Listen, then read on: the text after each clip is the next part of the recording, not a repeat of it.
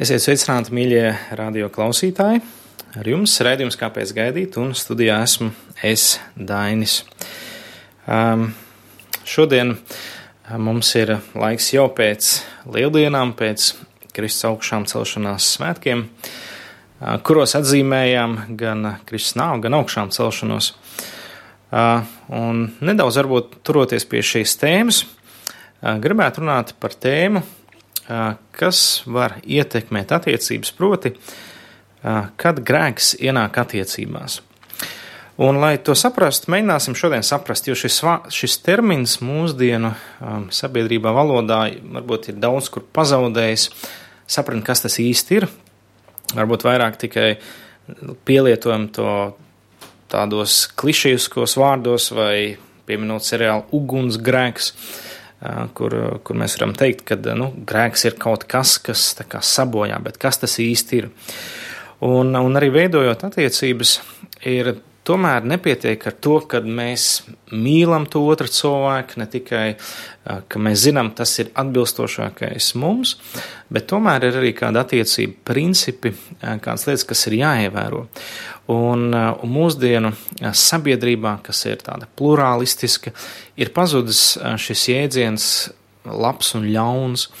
Varētu teikt, nu, ir ienākusi tāda apziņa, ka tie ir tikai tādi simboli, ko mēs kaut ko aprakstam, ar kuriem varētu teikt, manipulēt, sakot, nu, tev tas ir labs, man tas ir ļauns, tev tas ir ļauns, man tas ir labs. Un mēs pazaudējam tādu, tādu pamatu. Taču, ja mēs turamies pie vērtībām, ko raksta atklāja, kad ir kaut kādas lietas, ko var saukt par labām, un ir kaut kādas lietas, ko mēs varam saukt par ļaunām.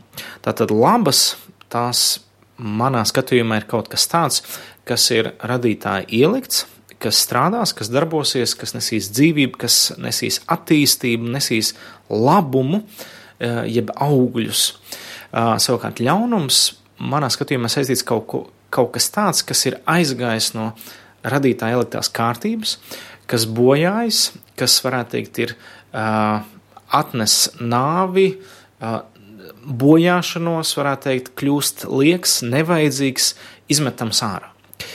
Uh, un līdz ar to, uh, ja mēs runājam par grēka jēdzienu, tad to varētu nu, saukt kaut ko, kas ir saistīts, uh, iziet ārpus Dieva standartiem, iziet ārpus radītāja paredzētiem rāmjiem, varētu teikt, kaut kas, ko mēs varētu apskatīt caur trīs dažādiem vārdiem, kas ir minēti arī rakstos, un no tā mēs varētu saprast arī, ka attiecībās, kad kādā no šīm sfērām tiek iziets ārpus radītāja rāmjiem, šīs attiecības sāk bojāties, lūst, varētu teikt, izirt, un, nu, negribētos teikt, kļūst metams ārā, bet viņas vienkārši nespēja funkcionēt. Un tāpēc ir labi apzināties, cik svarīgi ir ne tikai uh, sargāt uh, sevi, uh, varbūt no ļaunuma, bet sargāt arī attiecības. Un, un, un tāpēc mēģināsim uh, izšķirt un saprast. Um, Kāpēc mūsu varbūt sabiedrībā nav vairs šī sapratne, kas ir labs un ļauns? Nu, no vienas puses mēs redzam, ka ir nu, 20. gadsimta sākumā veidosies dažādi virzieni, kas sākuši uzdot šādus dažādus filozofiskus jautājumus, sākusies attīstīties tāda nu, nozara kā psihoanalīze, kurā, piemēram, savā laikā Karls Gustavs Jungs, Jungs ir ielicis tādu domāšanu, kad mums ir zemapziņas dziļumi, varētu teikt, dievišķs avots, kas mūs var dziedināt, mums tikai jāspēj to manipulēt. Līdz ar to mēs esam visi tik dievišķi, tik pilnīgi, tik tīri, ka nav nekas ļauns mūsos īstenībā. Vienkārši mēs neesam dabūjuši to, varētu teikt, no sevis ārā. Un tad tiek piedāvāts dažādas metodas, kā nu, manipulēt ar to un censties dabūt kaut ko no sevis ārā. Kaut gan raksti saka, ka, nu, ka mūsos patiesībā e, ir e, tikai spēja gribēt labu, bet līdz galam izdarīt nē. Nu, teiksim, mēs zinām desmit baušus, bet izdarīt mēs tos nespējam. Un, un, un tāpēc sabiedrība cenšoties kaut kā slēpt šo savu nepilnību, ir drīzāk piesavienās pie domas, ka nav jau nekas ļauns, ja viss ir labs, vienīgais, nu, kaut kur mēs vēl neesam attīstījušies, neesam pilnīgi, un mums nav vēl notikusi šī evolūcijas ideja. Uh, taču, ja mēs turamies pie rakstiem, raksts saka, nē, var nošķirt, kas ir labs un kas ļauns. Balstoties uz ko? Uz radītāju ieliktiem pamatiem, uz radītāju, kas ir teicis, šis varētu teikt strādā, un šis nestrādā. Tāpat ir lietas, kas attiecībās strādā un kas nestrādā. Um, lai saprastu šo terminu grēks, oriģinālā senebriju valodā, kurā rakstīta vecā derība, parādās vairāki termini, kas apzīmē vārdu grēks, un tas palīdzētu izprast vairāk, ko tas nozīmē. Līdz ar to mēs saprastu, ko tas nozīmē, ka attiecībās ienāk nu, šī sava veida nu, tā, tā lieta, ko mēs saucam par grēku. Tad, tad viena tāda epizode, kurā um, parādās trīs šie jēdzieni, varētu teikt, vienā teikumā, um, ir situācija, kur uh, dieva uh, sūtītais vīrs Mūzus, uh, kurš ved Izraēlu tautu, kuram viņš atklāja bauslību, šos pašus desmit baušus, tas ir ja, Mūzus satvērti, tālāk nodoti, jeb viņam atklāti atklāsmē, un, uh, un tad viņš grib redzēt un iepazīt to Dievu, kas tas ir, kas tā pa personību, kas šos baušus viņam dod. Un, uh, un tad tas kungs atklājas. Uh, un ir teikts, ka 2. mūzika 34.6. viņš sauc tas kungs, tas kungs apžēlošanās un žēlstības dievs. Tātad Dievs sevi atklāja kurš ir pacietīgs un bagāts žēlsirdībā un uzticībā, un kas tūkstošiem saglabā žēlstību un piedod noziegumus, pārkāpumus un grēkus. Bet arī neatstāja nevienu nesodīt, piemeklēdams tēvu grēkus pie viņu bērniem un bērnu bērniem līdz 3. un 4. augumam. Tad šeit parādās šie trīs termini - piedod noziegumus, pārkāpumus un grēkus.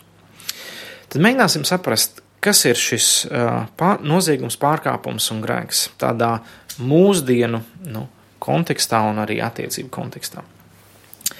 Tātad, tur, kur ir lietots vārds noziegums, ir ebreju vārds avon.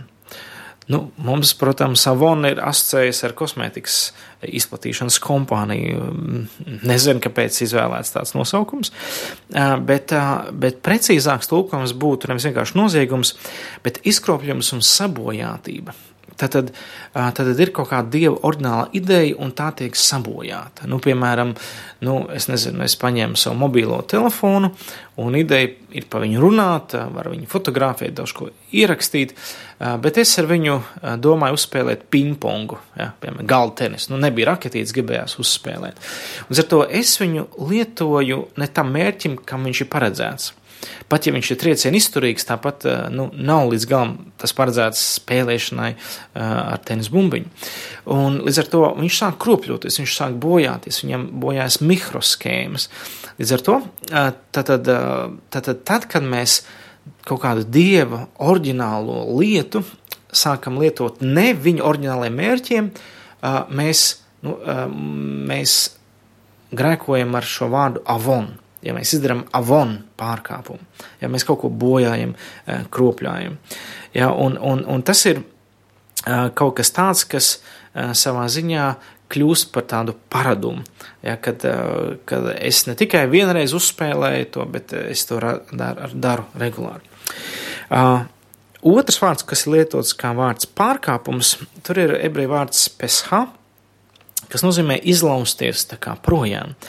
Jeb to varētu saukt par apzinātu aiziešanu prom no dieva, dumpis, sacelšanās pret esošo iekārtu.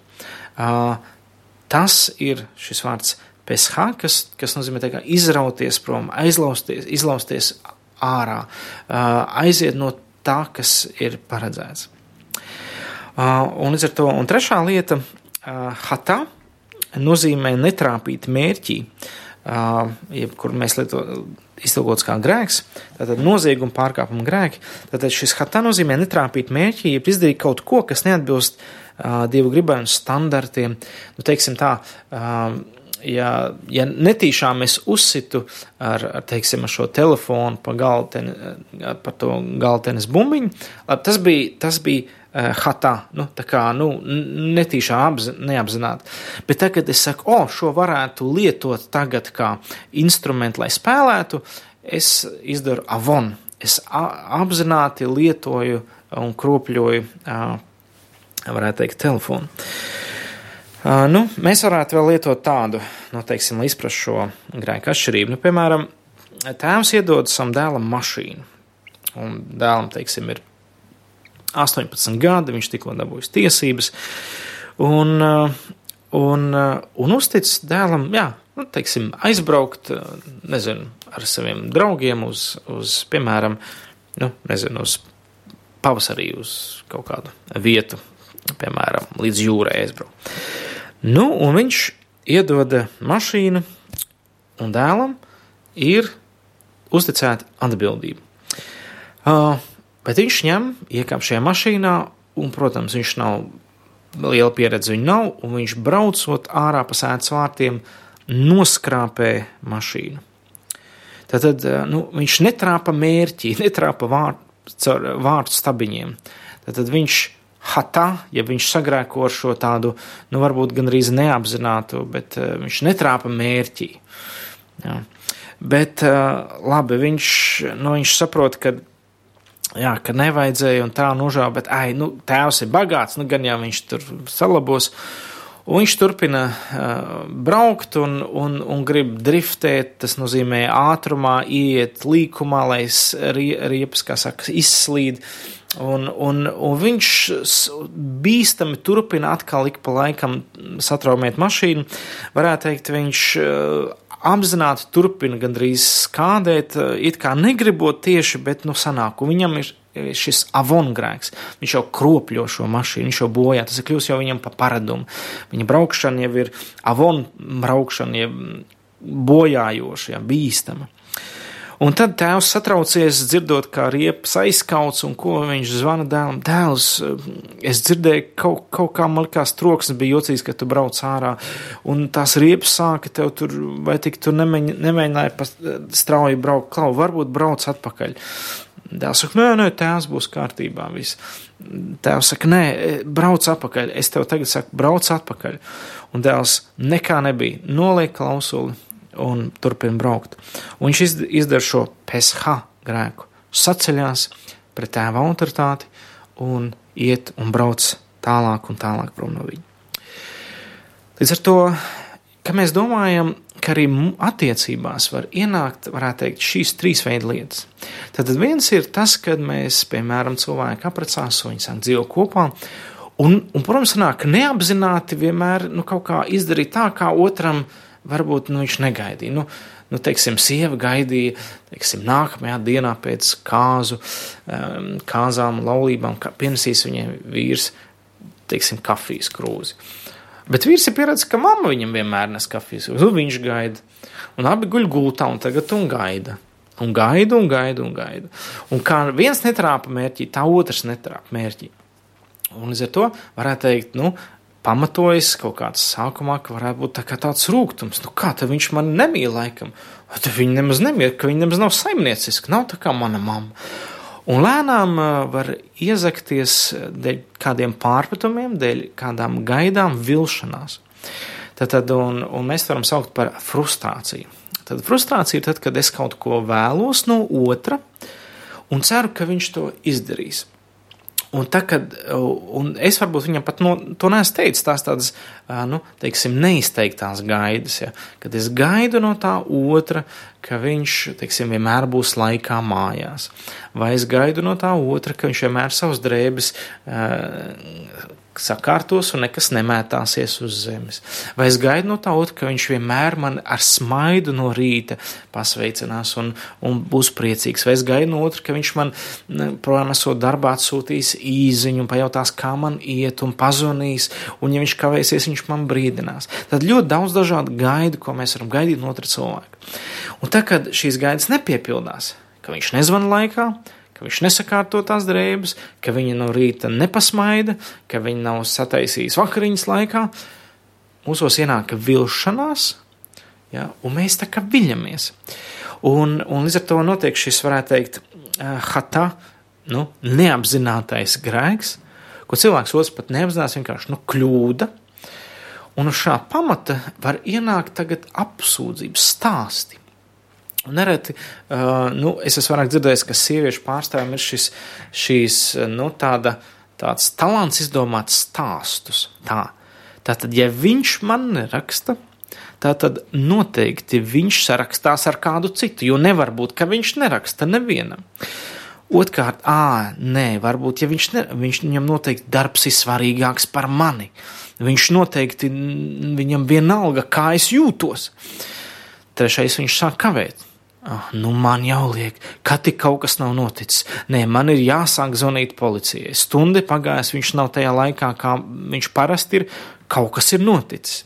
Un ar to veidojas šie stāsti galvā, kas nevis palīdz ieraudzīt realitāti, eh, bet varētu teikt, būvē aizdomu pilnu sienu.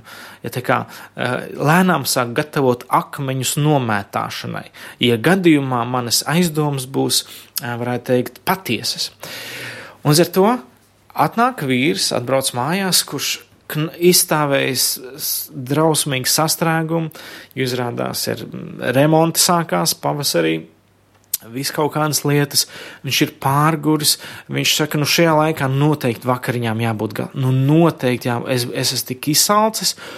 Un viņš ienāk mājās, un viņš gaida, ka būs sieva, kas ir beidzot priecīga, norūpējusies, varbūt, un, un, un pienesīs čības un vakariņas labākajā gadījumā. Un te atver durvis sieviete, kas saka, no, un kur tu, tu biji? Un vīrs eh, arī ir vīlies. Viņa eņģelis pēkšņi kļūs par uh, pretējo radījumu. Uh, un līdz ar to, kad ienāk šādas mazās kļūmītes mūsu dzīvē, ko mums darīt? Mums vienmēr vajag noskaidrot patiesību, uzklausīt liet, liet, liecības. Bez lieciniekiem, bez stāstiem nav. Un ar to uh, vienmēr ir svarīga izrunāšanās. Jo tas vieglākais ir, protams, mest savu akmeni, vai ne? Bet Bībele saka, kas ir bez grēka, lai met akmeni pirmais. Līdz ar to ir svarīgi saprast, ka man nav tiesību otram mest akmeni. Un tās ir tās kļūdas, ko mēs varbūt eh, kā dzīves draugi darām, kad mēs, eh, mums ir savs aizdoms, savs stāsts, un, un tas cilvēks ir kļūdījies. Apzināti vai neapzināti, bet viņš vienkārši netrāpīja mērķi, ne, neizdarīja tā, kā vajag vai kā parasti. Un mēs jau esam sagatavojuši akmeni, jeb savus vārdus, ko es tūlīt viņiem pateikšu, savus aizdomus, savus dusmas un tā tālāk. Un kā jums liekas, vai tas palīdz uzlabot attiecības, ka mēs mētāmies ar akmeņiem? Nē, ja mums gribas mest akmeņus, mēs braucam uz upi un aizmetam projām visu šīs dusmas labāk, uztaisam vardītes, eh, metot akmentiņas, puiši zina, ko tas nozīmē. Mēs labāk kaut kur metam mērķī, jā, mēs atdodam labāk tās dusmas tur, un, un tad mēs nākam pie dzīves draugu.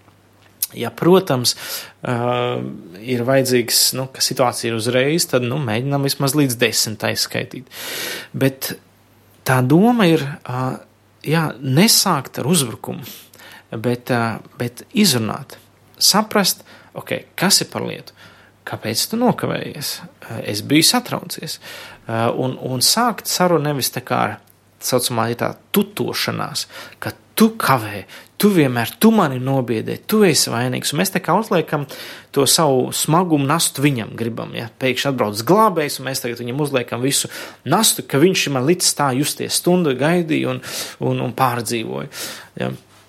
Un, un, un, un ko tas cilvēks, vai viņš to nastu var panest? Nu, viņš ir kā ēzelīts, kas zem tās nastas sabruks vēl vairāk. Līdz ar to ir svarīgi runāt par savām teiksim, savu sajūtu vai, vai runāt par, par sevi, nu, nevis tā uzbrukt, jā, atklāt vienkārši savu sajūtu. Ar to šādā vienā veidā, šādas mazas kļūdas var ienākt cilvēku dzīvē, ja viņi nesaprot, ne, neizrunā lietas. Uz to sapratne ir tik ļoti, ļoti svarīga lieta, lai saprastu, kāpēc otrs tā rīkojās. Ja tas bija apzināti, okay, mēs to varam noskaidrot, sarunājieties. Ja tas bija neapzināti, Okay, mēs pieņemam to par realitāti, ka tā notiek. Bet ir ļoti grūti dzīvot ar tādu perfekcionismu un pedantismu attieksmi, ka visiem vienmēr ir, ir mani standarti jāizpilda. Jo it kā tad es jūtos droši, jo visi dara tā, kā es gribu un kā es labi jūtos. Bet patiesībā tas ir sava veida nu, tāds nu, dziļš egoisms, es varētu teikt, kur es esmu izveidojis paradumu vienmēr vilties citos un citos redzēt vainīgos. Un, ja es tādu raksturu sevī jau esmu attīstījis, tad es grēkoju ar to vārdu, ko var saukt par avonu. Ka man vilšanās ir ikdiena, un citu vainošana man kļūst par ikdienu. Un ar to citi cilvēki man kļūst kā vainīgi, un es gandrīz kā tāds upuris, kad es tas tā kā nevainīgais. Un, un šādā situācijā uh, grēks, varētu teikt, ir nobriedis. Uh, šis uh, hatā ir kļuvis jau par avonu, tātad tas ir paradums. Un tad iedomāsimies, ka no šādām mazām lietiņām izveidos divi tādi raksturi, kas visu laiku viens otrā viļās, viens otrā viļās. Un, un, un ka tā vārdu cīņa un emocionālā attieksme vienam pret otru ir, ir būvē ar vien lielāku, lielāku akme, eh, akmeņu, teiksim tā, eh, sienu savā starpā. Jo tu, jo tu met viņam akmeni, nu, un tu viņam trāpi, tad tas akmens tur nokrīt. Netrāpi labi, bet, bet beigās tā kā tāds kaujaslauks, kur viss ar akmeņiem nomētāts. Un ir tāda milzīga akmens kauze, abu cilvēku starpā, un kur tu viens otru vairs neredzi un nedzirdi. Tu tikai met pāri tai kaudzē, mēģini trāpīt viņam. Ja? Uh, Līdz ar to, kā spēlējot kartupeļu, zināmā spēle kartupeļi, ja, um, tur trīs, nezinu, T vai 3K, un tad tu cer, ka trāpīs tam otram. Ja? Un tu jau vairs nemaz negribi risināt situāciju, vienkārši gribi me mest, lai viņam sāp, lai atrieptos. Un ar to, kad šāds grēks jau šādā līmenī ienāk attiecībās, tas ir tikai laika jautājums, kad visdrīzāk šīs attiecības vienkārši beigsies. Jo grēks ir, ir kaut kas, kas ienes nedieva svētību, ienes uh, šķelšanos, tātad bojāšanu, tad šādas attiecības sāk bojāties caur līdz šādām mazām niansītēm. Un, un tāpēc ir tik ļoti, ļoti svarīgi atpazīt uh, grēka dabu, grēka darbu, ka nevar tikai, nu, tādu mazu rūkstošu, ah, kas tur, nu, labi, neizlīdzinājāmies, aizgājām gulēt. Uh, un tad nākamā rīta vakarā tu atbrauc mājās, uh, viņš, ja nav atrisināts, nav izrunāts, Viņš jau tur ir palicis un tikai gaida to brīdi, kad būs sprādziens un tas visi, viss nāks ārā. Tāpēc arī raksti skaidrs saka, lai saule nenorīt jums dusmojoties. Ja, un dusmās neapgrēkoties. Respektīvi, varētu teikt, kā man patīk teikt, ka dusmām termiņš ir viena diena. Tātad līdz vakaram ir jāizdusmojas, jādod savas emocijas, jānoskaidro, un tad iet ar mieru gulēt. Jo tā kā mēs aizējām gulēt ar nemieru, ar dusmām, nevienmēr nemaz tik labi var pagulēt. Dvēseli jau iekšā nu, brēdz viņa streiku līdz ar to, te var sākties divas lietas. Viens var ienākt uh, tik liels nemieris, ka tu cel, gribi celties un to izrunāt, vai otrs uh, sirds var sākt nocietināties. Tad mēs varētu teikt, ka veidojas tāda disociatīva attieksme. Restīvi, es vienkārši izvēlos par to nerunāt, nedomāt un nerisināt šo problēmu. Es tā kā viņu nocementēju. Tas apmēram tā kā es šai problēmai apkārt aplieku ķieģeļu sienu un domāju, ka tas, ka tas tiks iebūvēts un, un, un, un nekas nenotiks. Bet tas, ko es izdaru, es šo nocietinājumu iztaisu savā paša sirdī manā paša sirdī izveido šis nocietinājums, un tas viennozīmīgi ietekmē manu sirdi un spēju just līdzi. Spēju iejusties otra, spēju būt empātiskam, un līdz ar to tas, kurš nav empātisks, viņam grūtāk arī saprast cilvēku. Ar to, jo empātisks un jūtīgāks cilvēks, jo vairāk viņš saprot, kā otrs jūtās. Un ar to, to mēs saucam par emocionālo intelektualitāti. Tātad mums ir, ir, ir, ir vairāk veidu intelektualitātes veidi, un viens no tiem ir emocionālā spēja uh, ar emocijām satvert realitāti satver to otru cilvēku. Bet ir cilvēki, kas ir varbūt ļoti racionāli, intelektuāli, bet emocionāli viņi ir, nu, diemžēl, ar mazu intelektuālu līmeni. Viņi nespēja sajust, cik viņa vārdi uh, izdara otram nu, sāpīgi. Viņi vienkārši ir nejūtīgi tādā sfērā. Bet, bet šeit nav runa par uh, introvertu, ekstravertu, domātāju, darītāju. Šeit ir runa par attieksmi. Vienkārši cilvēcisku attieksmi pret otru cilvēku. Un ar to problēmas neatrisināšana uh, nepalīdz problēmai. Tas vēl vairāk uh, viņu padara cietāku un smagāku. Tas apmēram tā kā maziņu akmeni, teiksim, es iemetu, pieņemsim, vismazāk akmentiņu, ir smilšu graudi. Nu, tu iemet, nu, cilvēks arī nejūt.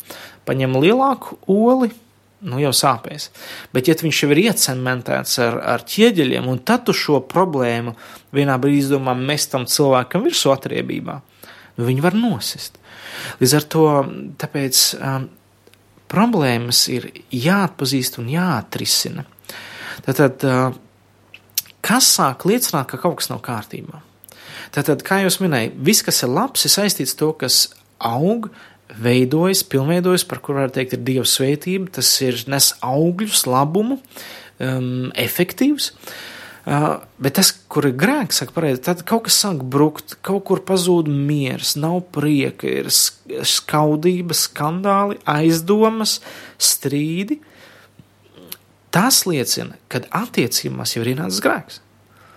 Tad, attiecības, kuras, kurās nav grēks, tās būs miera pilnas, mīlestības pilns, ir savstarpējs prieks, sapratne, spēja savaldīties otru priekšā. Bet tur, kur jau ir ienācis grēks, tajās attiecībās būs ķildes, naids, varbūt pat iekārs domas, laulības pārkāpšanas doma, necieņa, mm, ienaids, strīdi un tam līdzīgas lietas, meli un viltus.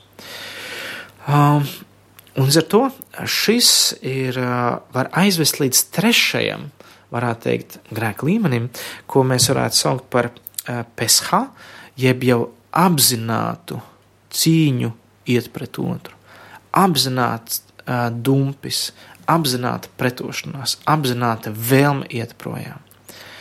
Un, un tas ir jau, varētu teikt, gala rezultāts, kad nu, attiecības šķirās. Attiecības tiek šķirtas, viens sāk apzināti iet pret otru. Un tad vēl tajos brīžos, protams, tiek piemesti vēl cilvēki, kas ir tie labie, kas ir labāks kā tavs draugs vai kā draudzene, un, un, un, un, un tad vēl šis dums tikai, tātad, ja dumpim ir atbalstītāji, tad šīs attiecības ļoti ātri izšķirās. Un tu nesaproti, tu centies tam cilvēkam, tu gribi savākt visus akmeņus, ja tu gribi izlīdzināt, viņš, viņš jau apzināti, viņam ir atbalstītāji viņa izvēlē, tad, tad nu, kaut kāds mīļākais vai mīļākā un jau viņš vairs neklausās. Ja viņš ņem jaunu cilvēku, kurš vēl nevienu akmeni vēl nav paspējis iemest, bet ticiet man, iemetīs un, un, un kad tik vēl ne vairāk. Ja, un, un līdz ar to rodas attiecība sairšana, attiecības salūšana. Un tad, tad ko tad darīt? Kad attiecībās ir ienācis vai nu šis hatā, šīs kļūdas, ko darīt, ja ir ienācis avon un ko darīt, ja ir ienācis peshā. Um, tad, tad pirmkārt, attiecībā uz šo vienkāršo grēku līmeni, šīm kļūdām, vienkārši mums jāapzinās, mēs esam nepilnīgi cilvēki. Mēs neesam Dievs, mēs neesam Jēzus, mūsu sievas nav eņģeļi. Ja, mēs esam cilvēki, kuriem ir savas aklās zonas. Tad, tad, teiksim, šobrīd sēžot šeit pie galda, es redzu apmēram nu tā, 180 grādos. Bet otrs 180 grādus, kas aiz manis, es neredzu, jo man tur nav acu. Ja, lai, lai es to redzētu, man ir jāpagriežas, bet es neredzu, kas man ir aizmugurē. Līdz ar to iedomājieties, tad puse no manas redzes ir akla. Es, es, es restīvi, ne puse no tā, ko es redzu, man redzesloka ir, ir apkārt sev, ir, ir tikai redzama. Tad otra puse nav redzama. Tas nozīmē, ka es nevaru teikt, ka man ir pilnīga taisnība, ja es neesmu noskaidrojis taisnību. Un tieši tāpēc ir svarīgi, ka ir tā otra pusīte, kas man palīdz ieraudzīt to otru man neredzamo pusi.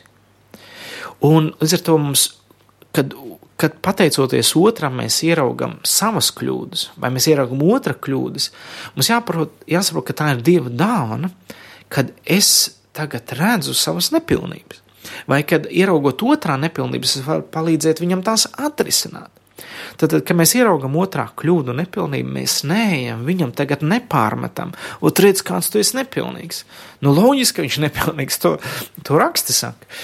Bet tas, ko mūsu atbildība, ja mēs redzam, teiksim, aklo, mēs viņam palīdzam ieredzēt. Ja mēs redzam kurlo, mēs palīdzam viņam sadzirdēt, jeb saprast. Ja mēs redzam nepēdušo, mēs palīdzam viņu pabarot. Ja mēs redzam nespējīgi piecelties, mēs viņu pieceļam. Tad, ko mēs darām ar otra cilvēka kļūdām? Mēs viņus piepildām, mēs atrisinām, mēs papildinām to, kas ir mums. Līdz ar to kļūdas nekādā gadījumā nav otra mīnus, bet tie ir, varētu teikt, mani nu, plusi, ja mana ies, mēs varam šo mīnusu pārvērst par plusu, varētu teikt. Ja? Mēs ar, ar savu mīnusu nākam un mēģinam kaut ko darīt lietas labā. Līdz ar to es saliekot to, kas ir manā sievā, mēs varam pilnveidot to, ko mēs redzam, darām un, un spējam. Ar to kļūdas ir normāli, bet tās atrisinot, mēs pilnveidojamies. Ko darīt, ja ir šis avon līmenis, ka jau apzināti viens otrā jau šīs kļūdas meklē kā pieredumu? Tas liecina, ka ir ienācis jau rūkums. Ienācis ir rūkums un vilšanās. Un ko mums darīt ar rūkumu? Tad rūkums ir kaut kas, kas, varētu teikt, sak, saindē manu emocionālo, racionālo attieksmi pret to cilvēku. Tad manas emocijas jau ir nevis tādas priecīgas, to cilvēku redzot, um, mierīgas, mīlestības pilnas, bet nu, viņas jau ir kaut dusmām, ot atnāca, un atkal viņš nokavēja. Tas nozīmē, ka tas ir kā tāds netīrs ūdens, kas ir, ir, ir, ir jānomaina. Un, un, un, lai es viņu varētu nomainīt, man ir jāsaprot, ka man vajadzīgs ir piedot. Man vajadzīgs atdot šīs emocijas, sajūtas kaut kur Bet kur es viņus varu atdot? Es atdošu tam otram, viņš tiks saindēts. Svētie raksts saka, ka viņš nesa mūsu sāpes un ciešanas, un ar viņa brūcēm mēs esam atpestīti. Un patiesībā Kristus nāca uz šīs zemes uh, uzņemt cilvēku rūkumu sevī, cilvēku dusmas, cilvēku naidu un sāpes, kas to visu izraisa lai mēs taptu dziedināti ar viņa brūcēm. Tad Jēzus Kristus nāca ne tikai nomirt par mūsu grēku, bet arī par visu mūsu dzīvi, mūsu emocionālo dzīvi, mūsu racionālo dzīvi, par visu, kas mēs esam. Un ar to ir neiespējami piedot, ja tu neapzinājies, cik tev ir piedots. Ja tu neapzinājies, ka Kristus par tavu rūkumu, par taviem grēkiem, par tavām kļūdām, par visām šīm lietām ir nomiris taisnā Dieva priekšā, lai saņemtu tavu manu sodu. Un augšām ceļoties, viņš to visu uzvarēja un atstāja kapā. Uz ar to nākot pie viņa, mēs varam, varētu teikt, izraudāties, mēs varam izsūdzēt savus grēkus, mēs varam uh, atdot viņam visu un teikt, kungs, man tā sāpēja, ko tas cilvēks teica. Man, man viņš tā liek justies. Līdz ar to mēs varam izkratīt savu sirdi Dievu priekšā. Tātad nevis nocietināt savu sirdi, bet atvērt savu sirdi, varētu teikt, brīnišķīgākiem ārstam, varētu teikt, brīnišķīgākam psihologam, Jēzum Kristum, Dieva dēlam, kurš caur svēto garu spēju mums aizskart, kurš caur rakstiem, ka mēs tos lasām, var mums vienkārši pavērt un uh, dziedināt mūs. Viņš, lab, viņš nav tāds uh, terapeits, kas, kuram ir stunda laika, un tu viņam samaksā, ka viņš tevi klausās. Tu viņam var izstāstīt visu savu dzīvi lūkšanā. Zirdā lūkšana ir labākais, varētu teikt, dvēseles dzirdināšanas veids, kur tu vienkārši atdod Dievam savas emocijas, izstāst visas savas raizes, ja, un, un, un atdod to pie krusta.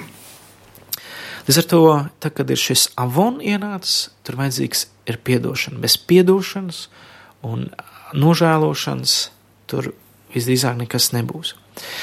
Un tur, kur jau ir iegājis šis uh, PSH, šis dumpis, jau šī cīņa, um, mums jāsaprot, kad uh, pret ko tam mēs cīnāmies. Raksts saka, lai mēs necīnāmies pret miesu un asinīm, lai mēs necīnāmies viens pret otru, jo mēs tāpat otru nevaram pārveidot. Bet Bībelē saka, cīnīties pret, pret ļauniem gariem pasaules telpā, pret to, kas ir tas ļaunais, pret, pret saprast, ka mana cīņa nav vienkārši pret šo cilvēku, tad ir kaut kas, kas ir ienācis mūsu starpā. Un man jāierauga, ka kas ienāca mūsu starpā, bija šis grēks, kas sākās iespējams no mazas kļūdiņas, no mazas nepiedošanas, maza rūkuma. Man jāsaprot, ka mana cīņa vairs nav ar šo cilvēku. Problēma, kas ienāca manās attiecībās, ir grēks. Un ar to, kad Dievs ielika Ādamu un Ievu ēdienas dārzā, un e, vārds ēdien ir prieks, priecīga vieta, Kas bija Ādama uzdevums? Sargāt un kopt dārzu no lauku zvēriem. Sargāt no tā, kas varētu ienākt starp viņu un ievu, starp viņu un dievu. Tātad sargāt no grēka, varētu teikt. Grēka kārdinājumu uz grēku.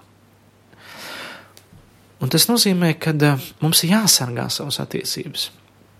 Mums ir uh, jāsargā savu sirdi, lai mūsos nav kāds rūgtums un vilšanās, lai jāsargā mūsu attiecības, tāpēc ļoti svarīgi daudz pavadīt laiku kopā ar savu um, dzīves draugu vai draugu vai draugu. Ir ļoti svarīgi izrunāt visas lietas. Varētu teikt, uzlikt galdā visas kārtas, neko neslēpjot. Pat ja ir kauns kādu kārti atklāt, ir labāk to atklāt un redzēt patiesību, nekā slēpt un at, atstāt kādu nu, vietiņu neatvērtu. Ir tik ļoti svarīgi uh, meklēt lūkšanā arī Dievu. Uh, kāpēc ir sarežģīti izveidot attiecības, kas nebalstās ticību Dievam? Tāpēc, ka ja nav neviens, kuram es atbildu, vai kur priekšā es jūtos atbildīgs, kāpēc man to cilvēku būtu uh, nu, īpaši kaut kā nu, jābaidās sāpināt. Jūs taču nevienam neatbildēšu, man taču dievu nav. Līdz ar to es dzīvoju, kā es gribu, un gribu es viņu atlaidīšu, gribu neatlaidīšu, jeb aiziešu projām. Bet, ja es saprotu, ka ir radītājs, un, un es viņam atbildēšu, kā es esmu izturējis pret cilvēkiem, un, kā raksts saka, būs tiesas diena, kur mēs atbildēsim ne tikai par visiem darbiem, bet par katru vārdu, ko esam teikuši, tad tas tomēr liek aizdomāties, saprast, jā, kungs, esi man grēciniekam žēlīgs, esi man žēlīgs un palīdzi. Es gribu mieru, es gribu izlīdzināšanos, es saprotu, kad, ka kaut kas mūsu dzīvē ir ienācis. Un tad abiem ir svarīgi nākt Dievu priekšā un abiem izsūdzēt katram savu lietu, atzīt savu grēku, atzīt savu kļūdu, savu nepareizo attieksmi, savus uzbrukumus, savus, mm, varētu teikt, uzbrukums tam cilvēkam un, un atvainoties, varētu teikt, par katru akmeni, ja vēl var saskaitīt, par katru pateikto sāpīgo vārdu. Tas ir tik ļoti, ļoti svarīgi. Un tā kā mēs to izdarām, Tā kā mēs nesam visu gaismā, tā kā mēs šos akmeņus, eh, varētu teikt, nevis lietojam, lai viens otru daudzītu, bet apliekam apkārt savām attiecībām kā mūri, lai ļauno ārā atstātu un paturētu labo iekšpusē, tad mūsu attiecības var tikt atjaunotas, tās var būt veselas un tās var būt dziedināts. Un tāpēc es arī novēlu tev, ja tu ej cauri kādai attiecību krīzei, Paskaties, kas varbūt bija pats sākums, no kādas ienāca. Kā varbūt attīstījās un kur bija tavas kļūdas. Un tu vari par tām lūgt Dievam piedošanu, teikt, Dievs, piedod, es man grēciniekam žēlīgs. Jēzus Kristu izlabo manas kļūdas, vērst tās par labu, un es gribu darīt to, ko es no savas puses varu darīt. Un, un ja Dievs ļaus, viņš uzrunās arī, un Dievs grib, bet ja tas cilvēks ļaus, arī Dievs uzrunās viņa sirdi un iespējams kaut kas var tikt salabots un dziedināts. Un tāpēc sargāsim savas attiecības no grēka, no mazām kļūdām, no lielākām kļūdām un mēģināsim um, jā, atklāt, vienmēr būt atklāti, staigāt gaismā un patiesībā. Šis bija raidījums, kāpēc gaidīt. Es novēlu, ka varam ne tikai jā, sargāt savas attiecības, bet arī attīstīt un veidot un mācīt savus bērnus. Paldies, ka klausījāties! Ja Dievs tos tiksimies atkal pēc nedēļas. Visu labu!